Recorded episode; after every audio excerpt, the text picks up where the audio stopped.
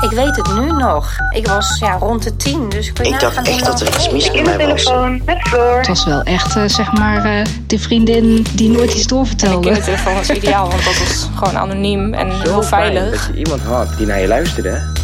In deze podcastserie vertellen verschillende mensen over hun contact met de kindertelefoon. Ergens in de afgelopen 40 jaar. Waarom belden ze? Hoe was het om hun verhaal te delen met een onbekende stem? En wat was de impact van een luisterend oor, misschien wel voor de rest van hun leven? De verhalen gaan over eenzaamheid, seks, onzekerheid en hele alledaagse dingen. Het vertellen gebeurt anoniem, omdat het niet gaat om de afzender, maar om het verhaal. Ik was 16 en ehm, ja, ik zat nog heel erg in de knoop met mezelf ook. Ik werd in die tijd meer dan 10 jaar lang gepest. En bij mij eh, ja, liepen de emoties hoog op. Maar ik bleef ook gewoon elke dag thuis, omdat ik gewoon niet meer naar school durfde. In de tijd dat ik gepest werd, ehm, ja, was ik heel erg bang om alleen over straat te lopen. Of dat iemand me zag. Want ik had zo'n eh minderwaardigheidscomplex over mezelf. Dat ik ook niet gezien wilde worden. Ja, en toch wil je dan wel je verhaal kwijt. Bij mijn moeder, die kreeg de hele laag over zich heen. En nou, dat is ook niet fijn. Maar de kindertelefoon, die heeft mensen zitten achter de telefoon... die echt gespecialiseerd zijn natuurlijk in het luisteren. En raad geven, tips geven. Ik heb er zoveel aan gehad ook. Een van de eerste keren was ik op mijn slaapkamer... dat ik contact had met de kindertelefoon. En ja, dat was ook eigenlijk de ruimte waar ik eigenlijk bijna elke dag zat. Op mijn slaapkamer. Het is vertrouwd, omdat ik ook niet de deur uitging. Want ja, ik had geen vrienden en ik werd op dat moment nog heel erg gepest. En het was voor mij gewoon vertrouwd om dan met iemand van de kindertelefoon te bellen. En het was zo fijn, ja, nogmaals, dat ze dus naar je luisteren en willen luisteren. Op mijn school wilde gewoon ook niemand ja, echt naar mij luisteren.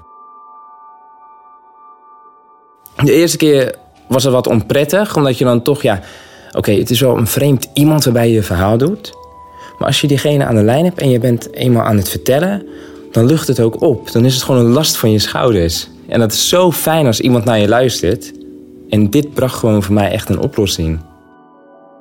Naast eh, mijn therapie die ik ook heb gevolgd, eh, heb ik daar heel veel zelfvertrouwen door gekregen. Maar daarnaast ook door de kindertelefoon. Want die heeft me dus ook tips gegeven dat je erover moet praten. Dus je mag er niet meer blijven zitten. Hè? En ja, dat je er mag zijn. Want iedereen mag er zijn op zijn of haar manier. En dat is het mooie ervan. Eindelijk dacht ik van oké, ik mag er zijn. Want niemand heeft me ooit zien staan. En dan is het juist heel fijn als iemand naar je luistert. En dat deed mij heel goed in die tijd. Ik heb ook een eh, website tegen pesten. Die ben ik ook eh, gestart op mijn 16e jaar. Dat was ook een soort van verwerkingstherapie. En toen kwam ik er ook achter van... ik ben eigenlijk helemaal niet de enige die wordt gepest. En door de tip ook van de kindertelefoon erover praten... kon ik ook met heel veel andere lotgenoten erover praten. En dat is belangrijk. Krop het niet op. Want op een gegeven, moment zit het zo hoog... Ja, en die gevolgen zijn niet, eh, niet fijn. En als je jezelf blijft en in jezelf blijft geloven... veel kinderen die worden gepest, die verliezen een beetje de hoop... is het heel goed als je in jezelf blijft geloven... praat erover met iemand, dus die je vertrouwt... je ouders, de kindertelefoon... En dan is het juist heel mooi om later erop terug te kijken van... ja, het is me gewoon gelukt. Mede dankzij de kindertelefoon zit ik hier nog. Dit was een van de verhalen uit een serie van zes. Met de kindertelefoon kun je al 40 jaar over alles praten.